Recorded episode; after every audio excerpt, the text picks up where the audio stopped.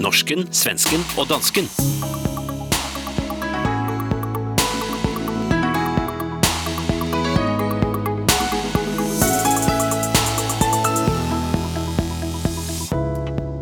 Tiårsmarkeringen for 22. juli kommer til at sætte sit præg på den norske sommeren. Skænkestopp sætter brems for EM-rusen i Sverige, og har Pattebørns voksne overtaget Danmarks Radio, spør Berlingske Tidene.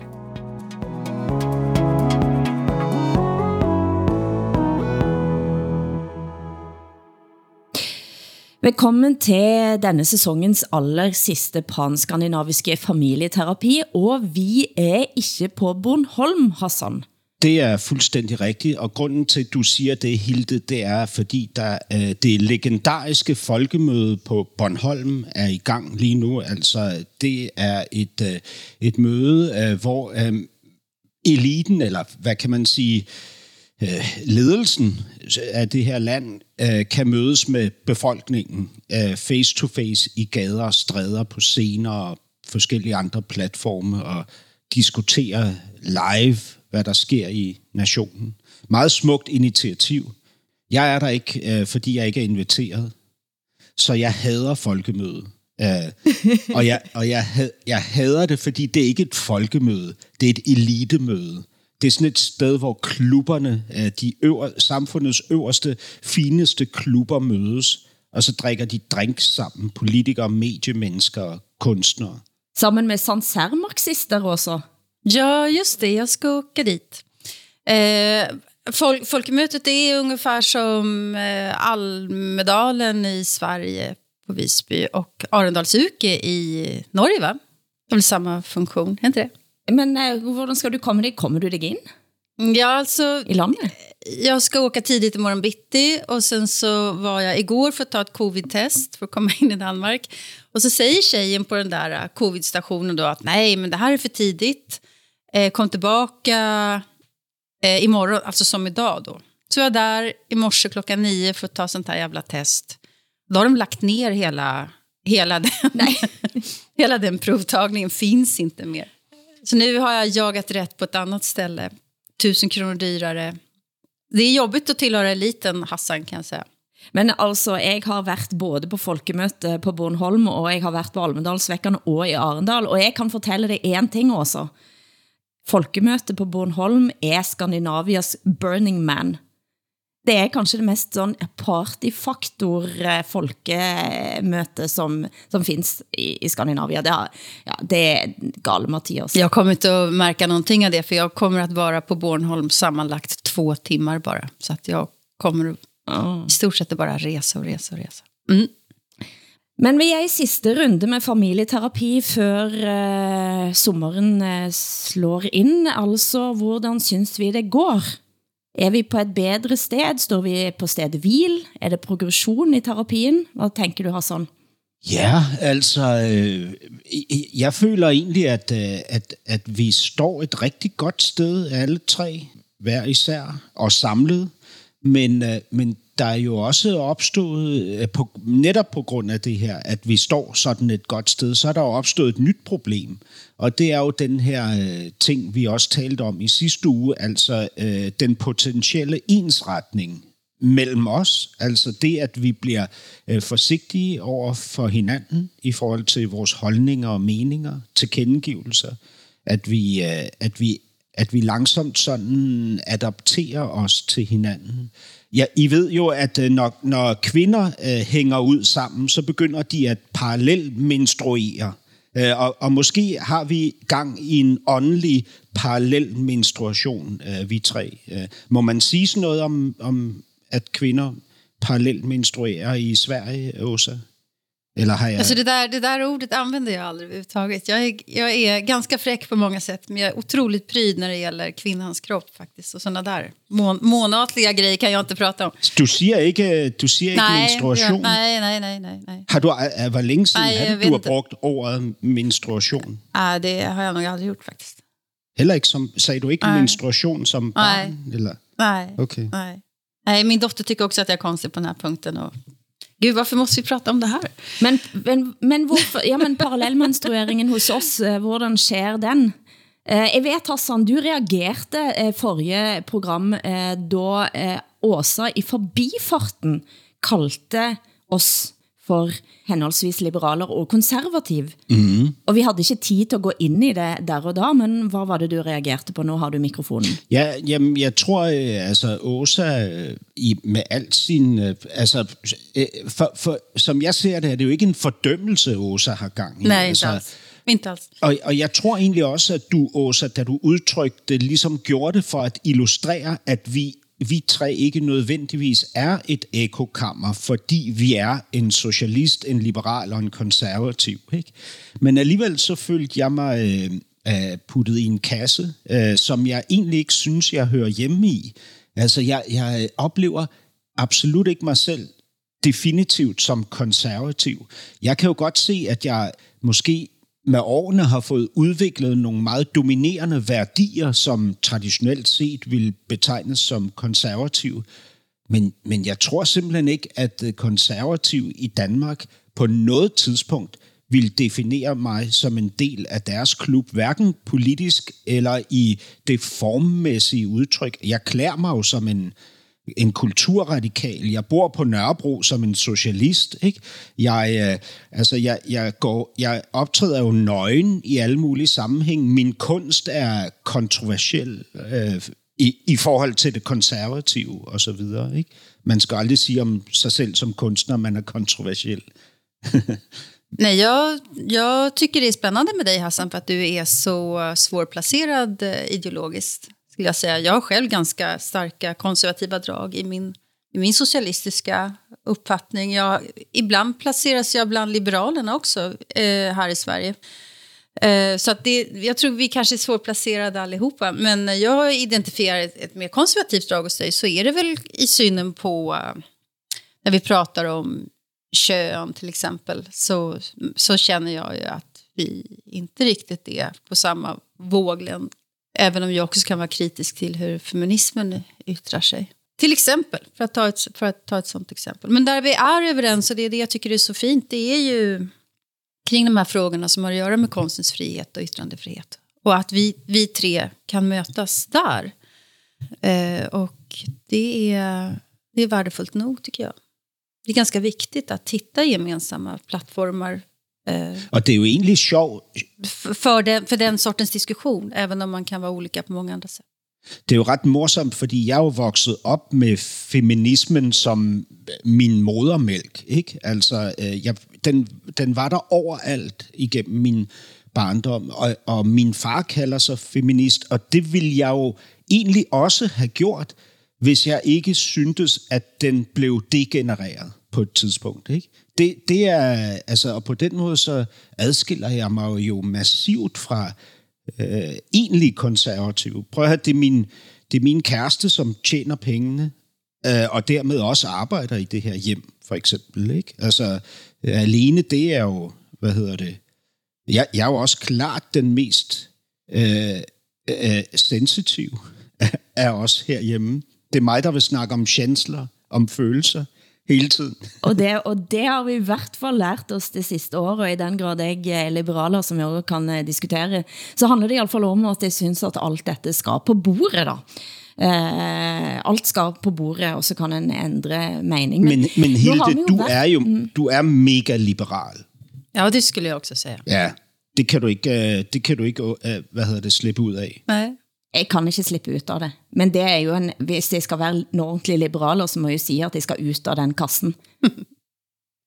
Men det har jo været et år eh, med, med gnisninger og mellem våre land, og det, jeg tænker jo at om vi blir enige, så er det en form for diplomati vi bedriver. Og i Norge så er selvransakelsen i gang helt i vår ånd. A-magasinet spørger, vi var verdens bedste naboer, blir svenskene våre venner igen efter pandemien? Snart snurrer verden i gang, grænsen åbner, eh, men vil svenskene nogen gang tilgi et nabofolk, som stod på sidelinjen og triumferte, da dødstallene steg?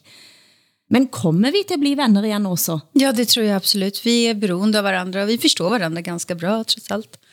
det är klart att vi blir vänner. Men den svensk-norska relationen har ju alltid varit hjärtligare än den svensk-danska relationen som ju är, som är lite mer antagonistisk.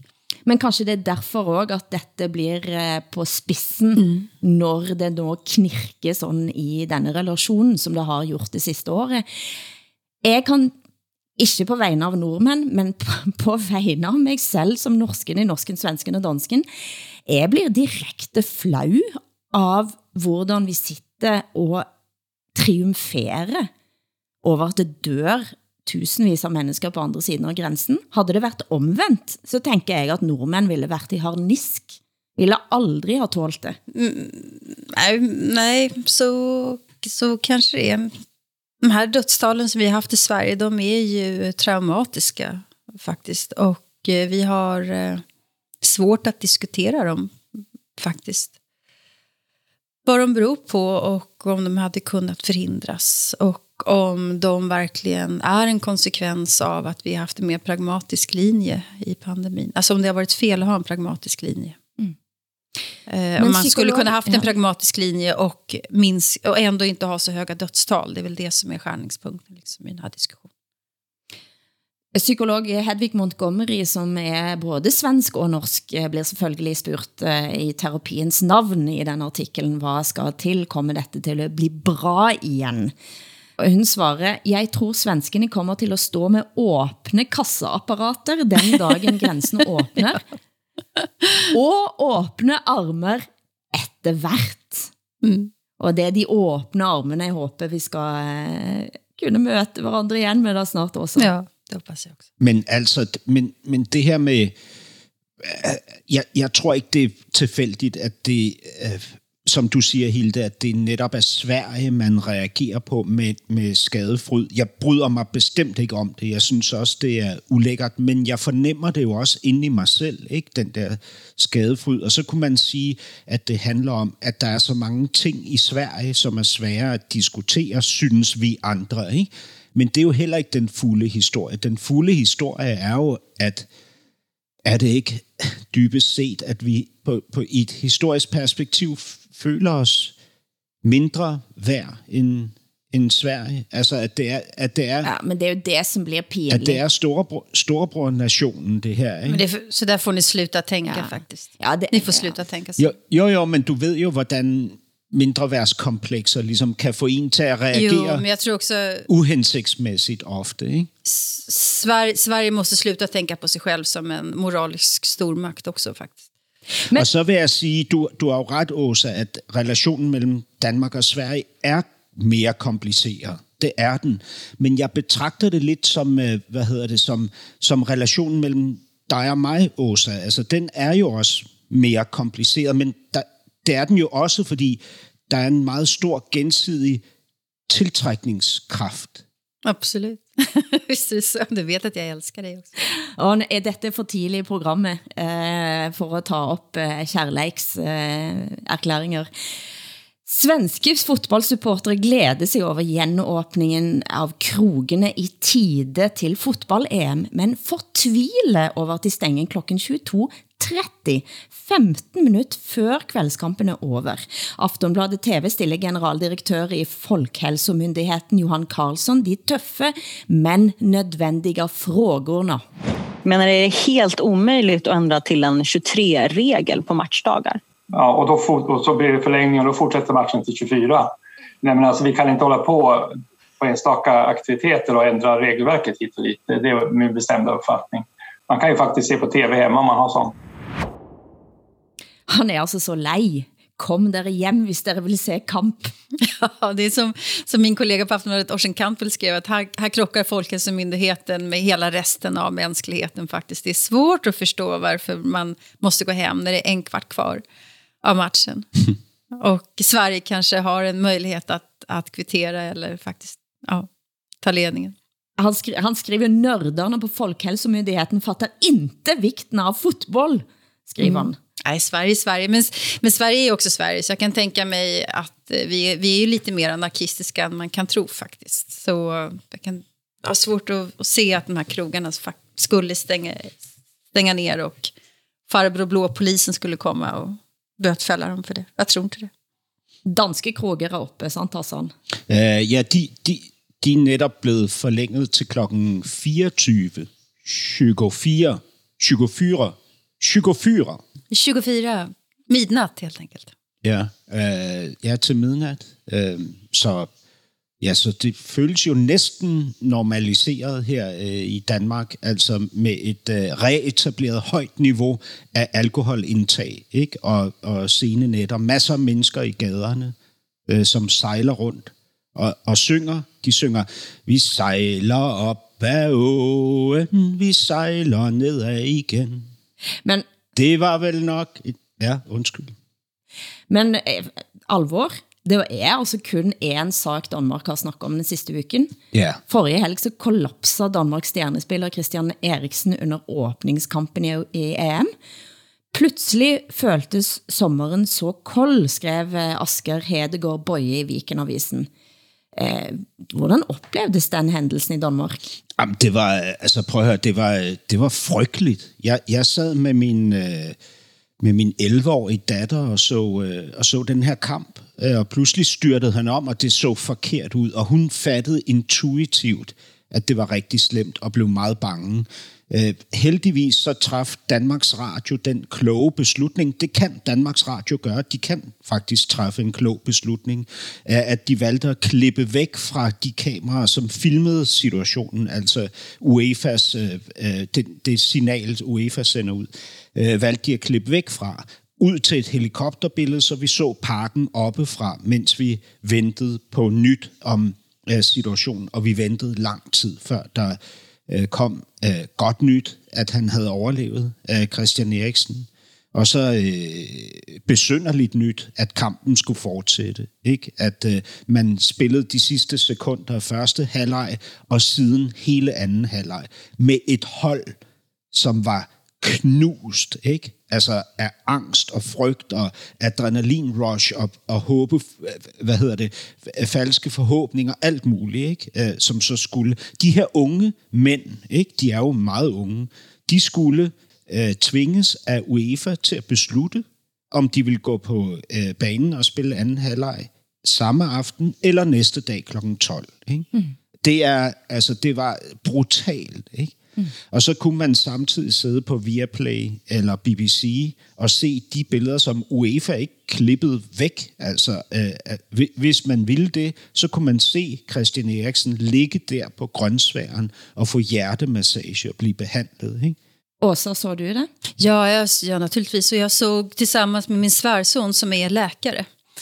Och han förstod långt innan någon kommentator att det här var riktigt allvarligt. Och han sa att det här måste vara ett hjärtstopp, sa han direkt. Men jag började ju nästan gråta sen när de danska supportrarna och de finska supportrarna eh, växelsjöng eh, Christian Eriksen. Mm. Ja, jeg, jeg får tårer i øjnene. Ja, det var starkt var det. Men det var fruktansvärt. Min son är också sportfotograf.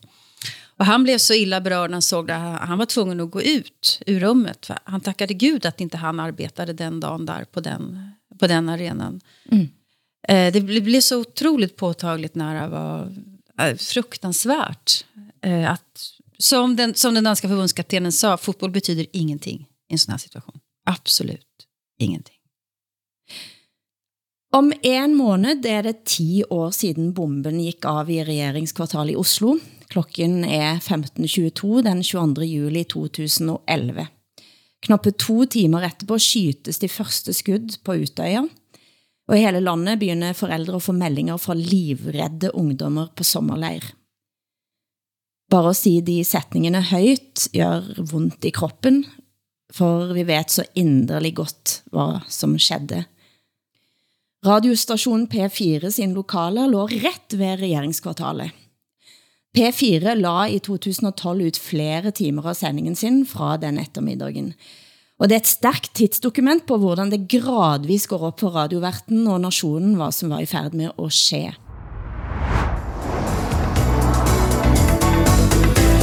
Ja, vi skal til eh, trafikken for å eh, fortelle at eh, i Oslo, bare så det er sagt da, P4 holder til et kvartal unna regjeringskvartalet, og vi hørte selv dette smellet og kjente dette smellet ganske kraftig, og har har dette ganske tett på kroppen, og vi kan bare innrømme her og nå at eh, det smellet var så kraftig at eh, vinduer gikk ut av første etasje i blokka hvor P4-lokalet holder til. Eh, så er vi, har vi informert om det. Dessuten så vil vi også samtidig informere om at i trafikken i Oslo sentrum så kommer det helt sikkert til å bli store forsinkelser og sperringer i den nærmeste tiden. Og I dette øjeblik så kører altså bilen mot eh, uh, Sundvolden. Usikkerheten og den nervøse latteren, det undertrykte chokket, det er stærkt at høre på en radiovært som prøver at gøre jobben sin, samtidig som en lurer på om verden også er snudd på hovedet.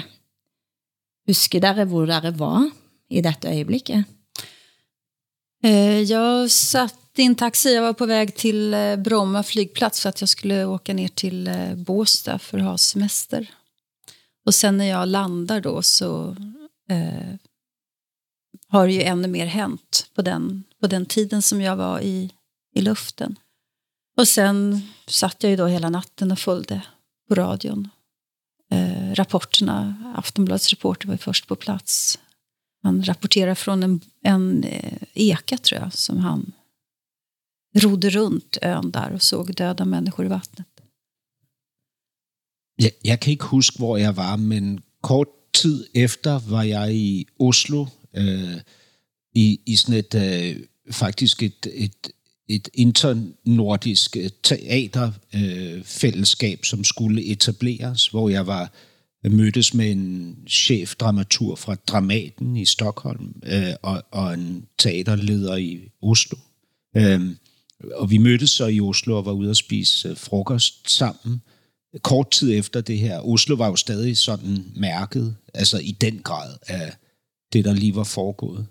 Øhm, og, og talte selvfølgelig om det, men sådan, altså som om, at man, I ved, når man træder ind i et hjem, øh, som er præget af et øh, dødsfald, der har været for nyligt, så taler man ekstremt varsomt om tingene. Ikke? Man er meget bange for at komme til at sige noget forkert.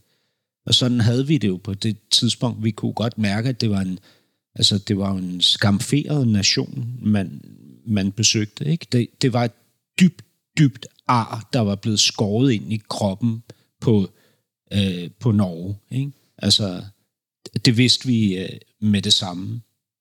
Hvor var du någonstans, Hilde?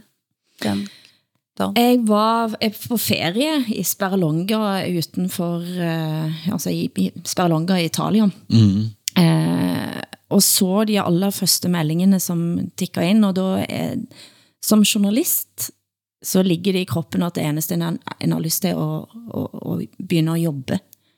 Eh, Og kanskje det er en måte å holde ting på avstand, for jeg så først i eksplosjonene i, i Oslo, og så Eh, begynte der at tikke ind meldinger. En av de meldingene jeg så, og som jeg aldri fandt igen senere, var eh, en eh, Twitter-melding med eh, et slags skjold, altså en, som, som en ridderskjold, som gratulerte med en hændelse.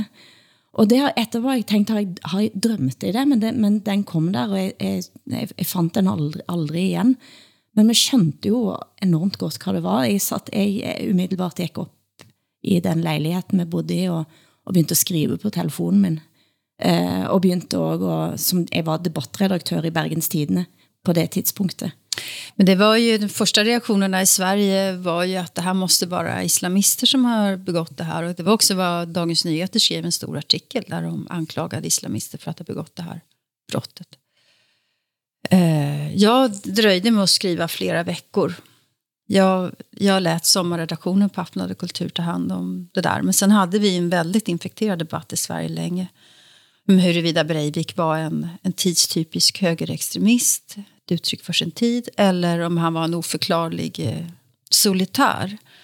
Och i Sverige så försökte man ju avpolitisera honom, skulle jag säga. Eh, ännu mer än jag tycker att man har gjort i, i Norge. Svenske Ali Esbati var en av de som var på Utøya. Politikeren, samfundsdebattanten, havde gjort nordmann av sig for en stund.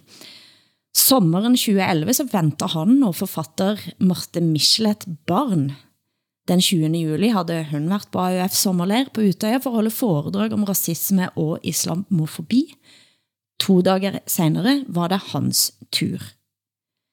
Og vi kan høre, da han blev intervjuet av VGTV under retssaken, om at Breivik flere ganger trak frem Aspati og hans norske kones raseforræderi i retten.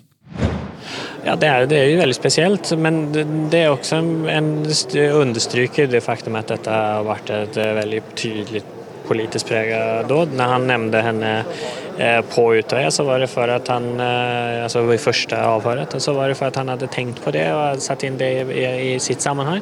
Och när det var klart och efteråt og när han tog upp henne i rätten så hade han ju fått med sig att vi eh, har barn tillsammans och nämnde det som, som en del av det han kallar för hennes förräderi. Helt i, helt i linje med det som han eh, ser som, som problem i världen, nämligen att, att det finns sånne som jag og att vi får, vi får barn och att vi är i Eh, är i Norge. Att det är en trussel mot den, den västerländska värderingen.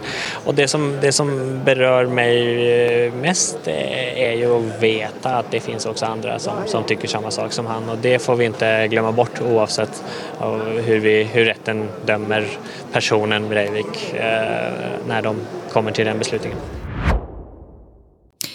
Nu har han skrevet bok efter Rosetoget, som er ute både i Norge og Sverige, og der han vil vise hvordan indvandringsfientlighed, højrepopulisme og et mer aggressivt debattklima var med på at umuliggøre Anders Bering Breiviks tanker og handlinger.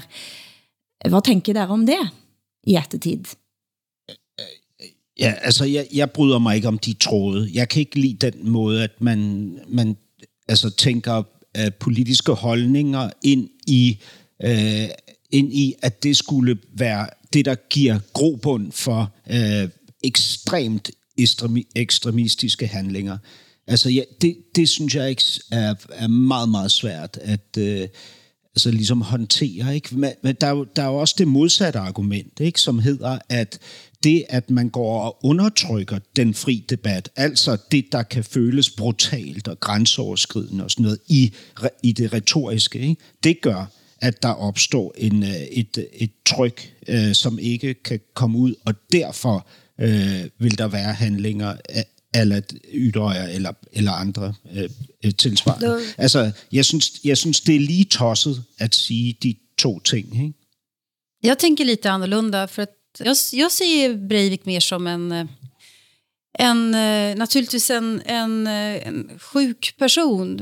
Eh, utan, utan tvekan, men också en tidstypisk representant faktiskt för, för de aggressioner som, som finns i vår tid mot feminismen, mot mångkulturen, Eh, han presenterade sig som antikommunist när han ringde polisen. Det är, det, han, naturligtvis har han attackerat demokratin men han har försökt skjuta ihjäl ett helt ungdomsförbund och ett särskilt ungdomsförbund, nämligen ett socialdemokratiskt ungdomsförbund.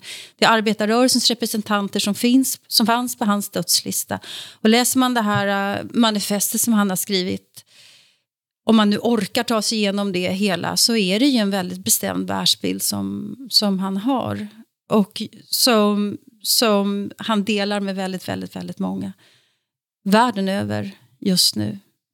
Men, men der er jo en, der er en, altså der er en, man bliver jo nødt til at trække en streg mellem at uh, have et verdensbillede og begå en, et, en uhyrelighed. Ikke? Og for mig repræsenterer han ikke en specifik gruppe, jeg kender. Uh, for mig repræsenterer han vanvidet. Ikke? Selv var jeg debattredaktør i BT, og derfor så tog jeg vare på en del av de læserinnlæggene, som kom kun dager efter terroren, som vi aldrig trykker. For jeg tænkte, dette er historiske dokumenter. De viste en forakt bare dager efter for Arbeiderpartiet, og i ly av de store rosetogene, som var på den tiden, så satt altså krigere bak tastaturet, og det store vie, som vi fik præsenteret, havde alt slått sprækker. Og jeg har taget vare på det også for at læse nogen utdrag her. Dette kommer altså bare en knapp uke efter 22. juli. Hvad måtte en Bering Breivik med eventuelt jødiske sympatier ha tænkt, når han ankom i Utøya, og det første som møter ham er en stor plakat og store røde bogstaver, Boykott Israel og samtidig tænke over den drabsorgie, som daglig går ut over de okkuperte og vantro jødiske folket.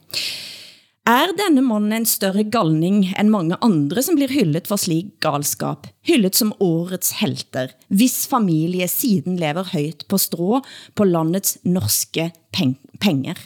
Jeg sa en gang, norsk naivitet slår hela i taket, og det må jeg stå ved. Et andet indlæg slutter på den måten. Først da meldingene kom ind fra Utøya, skjønte jeg sammenhængen. Det var en eller flere, som ville markere, hvad mange nordmænd mener om landsvik og islamisering. Et tredje.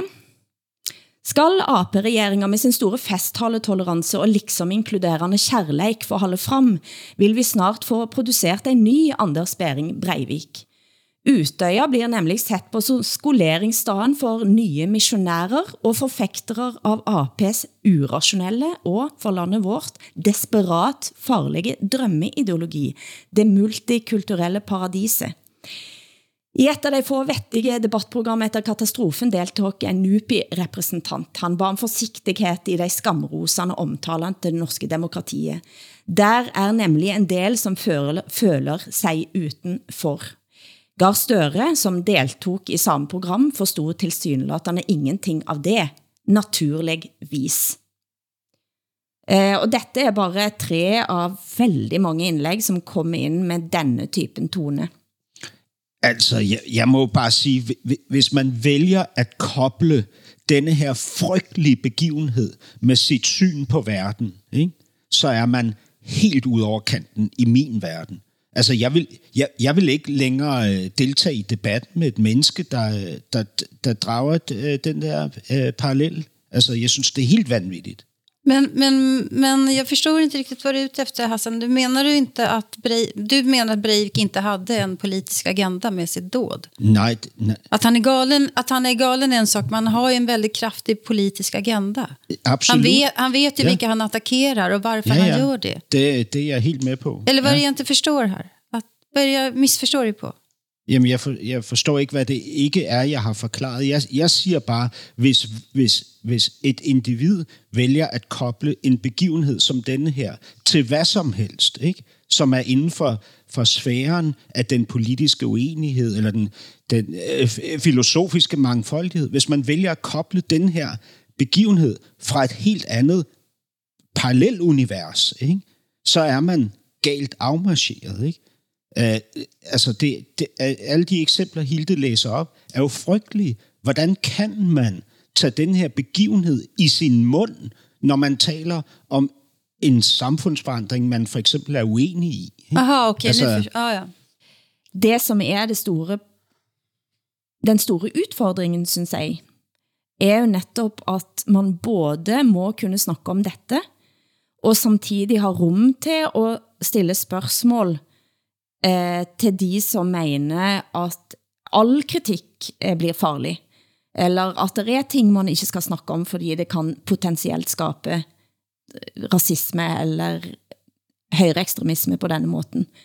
Og det at prøve, prøve at lage et rum, der, der alt dette skal kunne snakkes om. Jeg skrev selv en artikel bare få dager etterpå, som heter Vi som slår sprekker, fordi jeg så at eh, den massive tanken om at vi var nå blitt et stort vi, som gik og, og hever roser over hovedet, og holdt imaginært hænder i, eh, på vg.no, en million nordmænd holdt hænder imaginært, altså digitalt, at her var det i færd allerede med at skabe et stort uh, utenfor, altså de som er utenfor vi er, og det er også potentielt ganske farligt. Alltså jag, jag märker när jag pratar om Utöja så jag tycker att det är arbetsamt.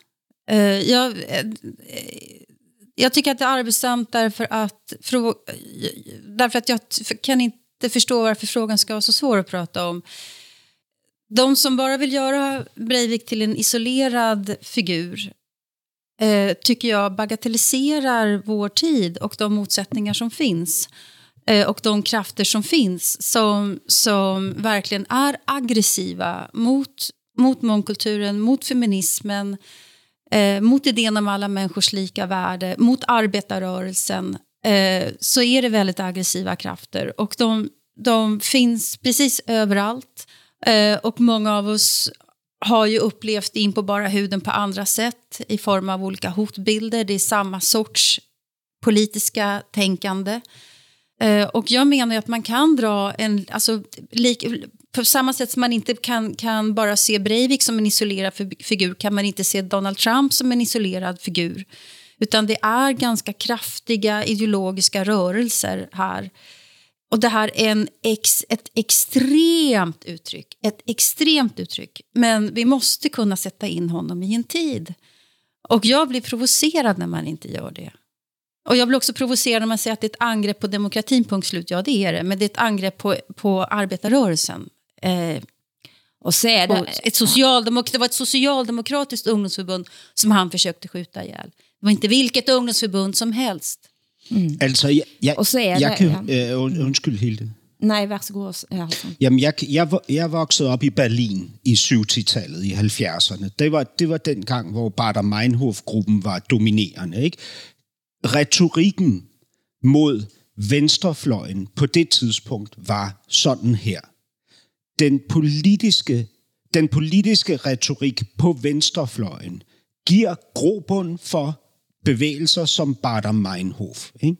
Og jeg kan huske, mine forældre lærte mig som barn, at den tråd må vi ikke trække. Ikke?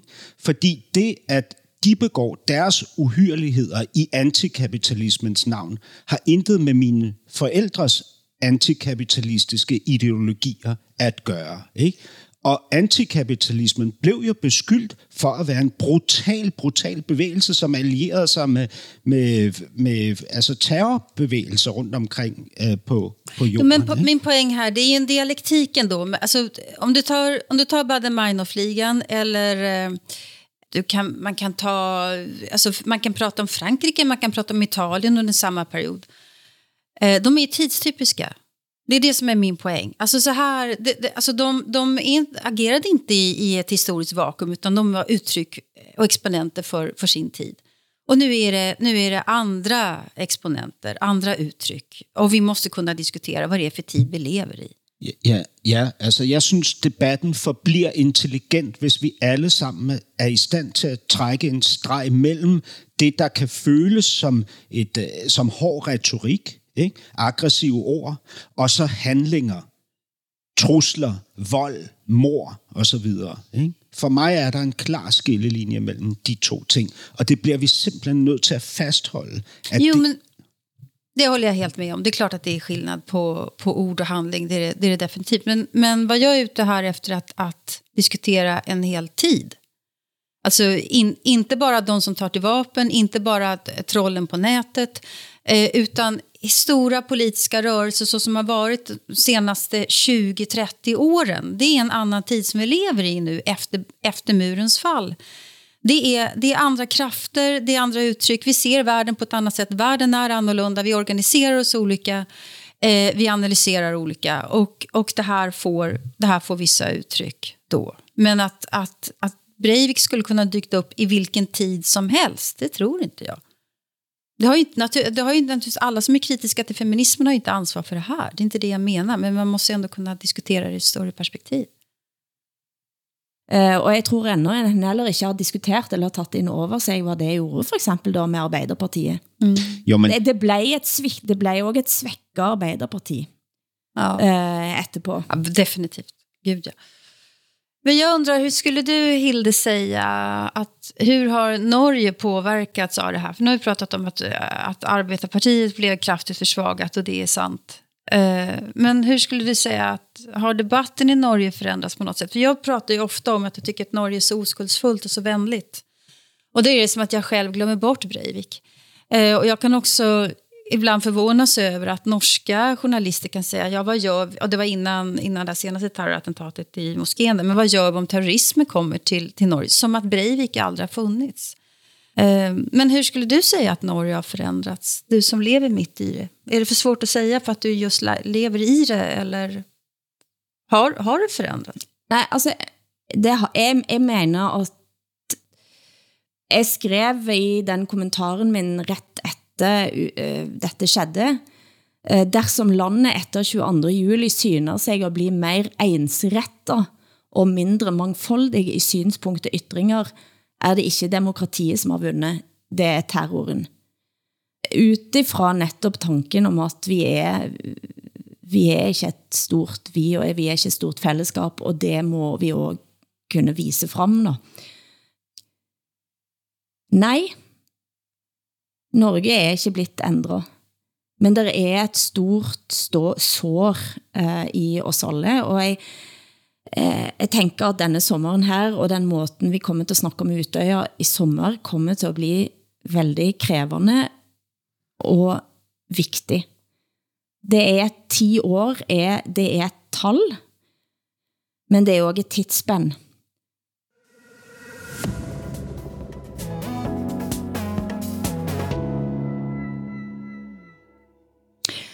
Sveriges kulturutøvere tilpasser sig verkene sine efter de politiske signalene, viser en ny omfattende undersøgelse fra Kulturanalyse, Myndighed for kulturpolitiske utverderinger og analyser. Princippet om armlængdes afstand er en illusion, skrev barometeren OT. Forklar eh, også, hvad er det de har fundet ut? Ja, det är alltså en myndighet som heter Kulturanalys som har eh, studerat hur politiserat det svenska kulturlivet är och eh, det man söker pengar för och får pengar för. Och då Kulturrådet som administrerar pengarna i huvudsak, de prioriterar uttryckligen då konst som görs på teman kring hållbar utveckling, mångfald, minoriteters rättigheter, jämlikhet och hbtq-frågor. Eh, och det här förklarar ju varför svensk kulturliv är så likriktat och i huvudsak håller på med de här typen av frågor. Eh, därför att konstnärer är ju naturligtvis, alltså om konstnärer då, jag pratar då om eh, alla, alla konstnärliga discipliner, är ju ekonomiskt sårbara. Och man vet att man får pengar lättare om man håller på med de här typen av, av ämnen. Jag trodde att det skulle bli debatt om det här. Jag tänkte äntligen kan vi diskutera detta som jag har försökt prata om i många, många år. Ganska försiktigt kan jag säga. Ganska typiskt Sverige. Vad är grunden till det? Ja, för jag tror att den som tar den här diskussionen dels är rädd att bli anklagad för att inte kämpa för jämlikhet eller att inte vara för minoritetsrättigheter. Man anses väl vara homofob, vad som helst, så som det ligger i korten alltid i diskussionen.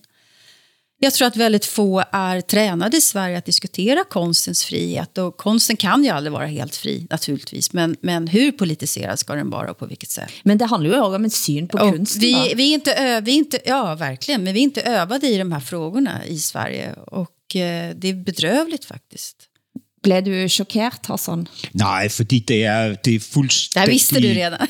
ja, men det, men det er jo helt det samme i Danmark. Altså, der er jo ikke nogen forskel. Er det? Nej, slet ikke. Prøv at høre, jeg sidder her med, med besked... Nu slår jeg op på en tilfældig side på Kunstfondens øh, øh, hjemmeside, og så gik jeg ind under strategi for legatudvalget for billedkunst. Ikke? Og der står, at, øh, at det, man ligesom ønsker at, øh, at promovere, det er jo, at øh, man skal skabe nye indlevelser, forbindelser fællesskaber øh, og så videre. Og, og at det handler om, at man skal sætte fokus på mangfoldighed og ligestilling i forhold til køn, klasse, etnicitet og demografiske forhold. Altså det står der, hvis, hvis du vil søge et legat øh, som billedkunstner, så altså, er der jo her en formular til, hvordan du kan opnå øh, øh, at få det legat. Ikke? Og, og det interessante er jo, at det er jo ikke, fordi man vil diskutere de her emner. Det er jo ikke, fordi en billedkunstner så kunne lave et mangfoldighedskritisk maleri og dermed opnå finansiering. Det er jo, fordi man skal stille sig et bestemt sted som kunstner, og derfra skal man så øh, lave sin kunst. Ikke? Men altså, hvordan har vi kommet dit hen, at kunsten skal repræsentere det gode? Ja, er det ikke besynderligt? Kunsten skal, kunsten skal jo repræsentere mennesket, ikke? og mennesket er jo ikke det gode. Nej, men det är inte klokt. Och i Sverige så har vi en kulturminister som jag tycker visserligen är bättre än den förra kulturministern vi hade. Men kulturministern är också demokratiminister och det är ett problem i sig själv, tycker jag. Eh, därför att eh, kulturen ska inte ha några sådana krav på sig.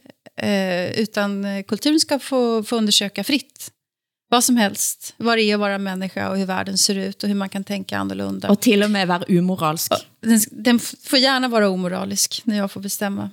Øh, ja, altså, du spurgte, hvordan det opstod. I Danmark kan man jo pege på, at det ligesom var Øh, den der store opbyggelighedsbevægelse i 50-tallet, som skabte Kunstfonden, og ideen om, at man skulle opdrage på sin befolkning gennem kulturen. Ikke? Øh, og det, var jo, det startede jo egentlig med at være øh, uden øh, implicerede ideologier. Ikke?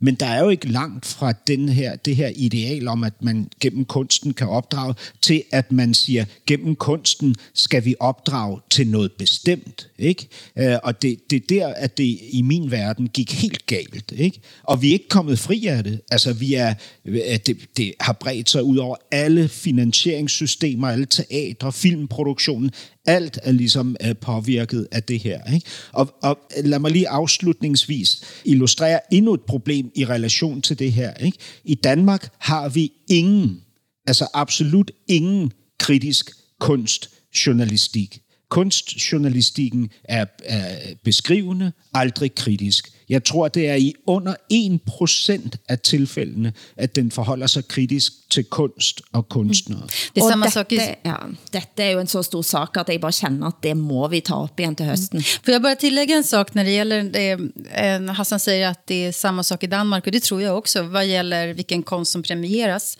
säkert i, i Norge också. Eh, kanske överallt. Men det som gör Sverige lite speciellt det är att nästan alla kulturpengar administreras av staten. Ni har inte så i Norge och Danmark, utan ni har stora privata stiftelser och eh, mecenater eller initiativtagare med pengar. Det har vi inte i Sverige, utan allt administreras via staten. Och det gör ju att vi blir extra sårbara då för eh, vi som håller på med konst och kultur. Vi blir extra sårbara då för, för vilka perspektiv som staten för stunden vill ha. Du hører norsken, svensken og dansken. Programmet blir sendt i Danmarks Radio, Sveriges Radio og Norsk Rikskringkasting.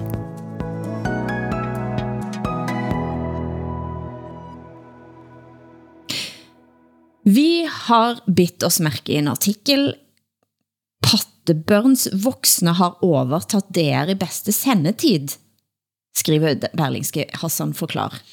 Jamen altså, det, det her handler om, at, øh, at Danmarks Radio har jo en, en, har altid haft en meget stærk børne- og ungdomsafdeling. DRB og U har produceret gennem årtier øh, virkelig, hvad kan man sige, øh, mange produkter, som har været dannende for rigtig mange af os. Øh, mange af de her værter fra øh, BAU rykker så op i voksenafdelingen øh, og bliver værter på de mest, øh, øh, i de mest prominente positioner, på de mest øh, sete og lyttede programmer overhovedet. Ikke? Og der sker altså en, en eller anden ting. Altså, der er noget i deres form og sprogvalg og så videre, som gør, at man har en fornemmelse af, man aldrig nogensinde har sluppet den der måde at tale til befolkningen på, som om de var børn. Ikke? Og her der kan vi jo se nogle klare, tydelige paralleller til vores statsminister lige nu. Ikke? Uh, Selvfølgelig. Äntligen kom inte Fredrik med det här programmet. Jag, satt, jag var så nervös. Jag var så nervös. Tänk om vi aldrig kommer att prata med henne. Okay. Men, men spørgsmålet er... Ja, Låt det flyge bare, Hassan. Ja, jamen, jeg kan huske på et tidspunkt, der læste jeg sådan en strategiplan for Danmarks Radio, som handlede om deres nyhedsudsendelser. Ikke? Og der viste sig, at, at den måde, eller den fiktive person, man skulle kommunikere til som nyhedsoplæser, al, altså i, i sproglig kompleksitet og i form, ikke? det var en 16-årig, øh, et, et meget ungt menneske, ikke? Fordi hvis man gør det, så er alle med. Ikke? Men, men jeg, jeg undrer mig over, hvilken påvirkning det har på os som individer og som folk at blive talt til, som om vi var børn. Og om, om det ikke med tiden gør, at vi øh, bliver, bliver lidt gakket af infantile, umodne og så videre oven i vores hoveder. Ikke? Hvis vi hele tiden føler, at vi bliver talt ned til. Ikke? Jeg, jeg ved, at min 11-årige datter finder sig ikke længere i det, når jeg taler ned til hende. Hun protesterer straks, ikke? fordi hun synes, det er ydmygende. Og jeg synes, det er fucking ydmygende, at de her værter taler til mig, som om jeg er et barn. At min statsminister kommunikerer ud i min stue til mig som 52-årig mand, som om jeg var en 16-årig. Men eh, jeg lurer jo også på om det er fordi du er blitt så gammel, eh, Hassan, at du bare sitter og er sur gubbe. Synes du, jeg er blevet meget gammel? Men du, når vi er inne på, altså nå, eh, pattebørn. Ja. Ja, det undrar jag också. Pattebarn, alltså det betyder spädbarn på svenska. Jag var tvungen att slå upp det där ordet. Ja. Alltså patte betyder ju då alltså bröst, alltså pattar på svenska, det är ett väldigt fult ord. Det är bara fula flickor har pattar och fina flickor har bröst kan jag säga. Så jag blev förvånad över ordet. Jamen prøv Vad at, heter man, det? Ja. man siger også pattegris. Altså en pattegris er, er en gris, som stadig patter fra sin mors øh, bryst. Mm. Ikke pat, eller fra sin mors pat. Ikke? Så pa- Men altså pattegris og pattebørn, det er, høres jo helt eh, grotesk ut. men, men, men pattebørn, er- pattebørn er et nedladende udtryk. Altså det, det er noget, man siger, dit pattebarn, siger man til en, der ikke, øh, hvad hedder det, Okay. kan, Altså, jeg tror, de fleste svenskere vil synes, at de fleste danskere er pattebørn. Var du som sa det älskling. men vad heter det på, men, men har ni inget annat ord för spädbarn då? På danska? För det heter väl spädbarn på norska också va? Gör det inte det? Ja, det gør det. Ja. Spædbarn. Men vad Ja, heter ja, det på dansk? Ja, det hedder ni har sp- väl ett spædbarn. Det gör det? Ja, okay. okej. Men du vil jo ikke sige spædbarnsretorik. Du siger jo pattebarnsretorik. Ikke? Ja, ja, ja. ja, ja. Mm. Det er sommer, og jeg drømmer mig til den svenske skærgården.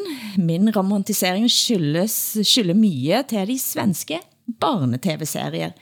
Vi på Saltkråkan først og fremst med Tjorven, Båtsmann, Farebror, Melker og ikke minst Malin. Og Malin skaber fremdeles overskrifter.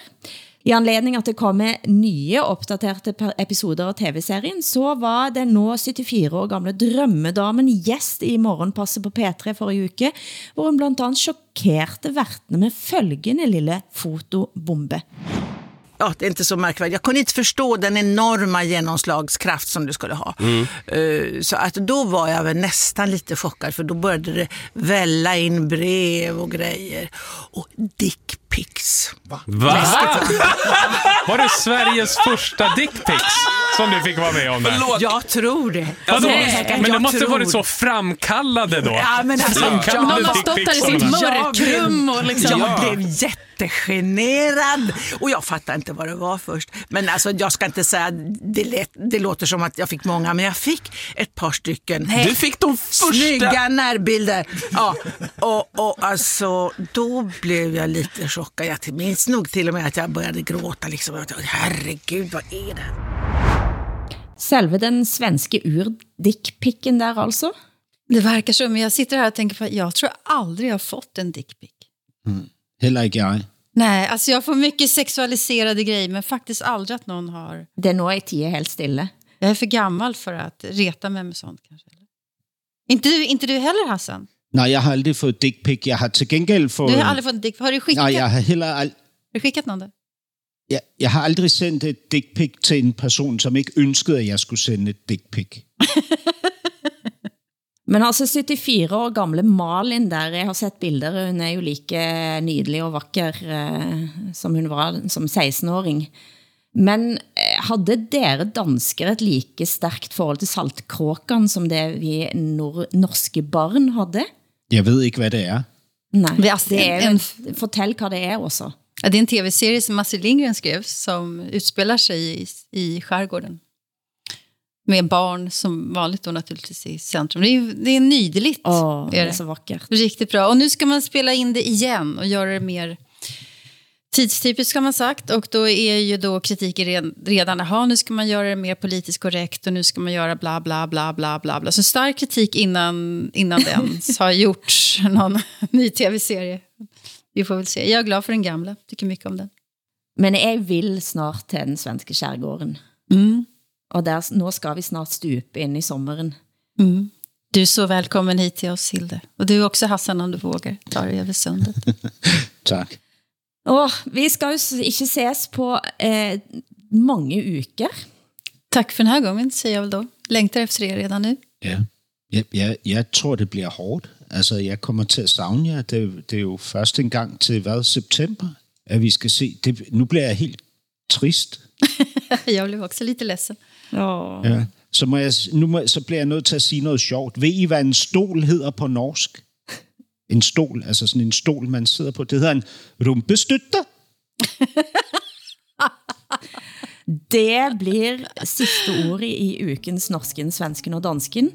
Producent har været Henrik Hølland Ulving. Tak til Hassan Preisler i København, Åsa Linderborg i Stockholm. Jeg heter Hilde Sandvik, jeg er i Bergen. Og jeg vil gerne benytte anledningen til at takke for utrolig mye lyttertilbakemeldinger. Hyggelige, krasse, udfordrende og kunskapsrike indlæg fra verdens bedste lyttere. Vi glæder os til at høre fra dere igen efter ferien. Skulle dere savne os, så vet dere hvor dere finder os. Pod kan strømmes både i Norge, Sverige og Danmark. Og i mellemtiden må dere ha en rigtig god sommer.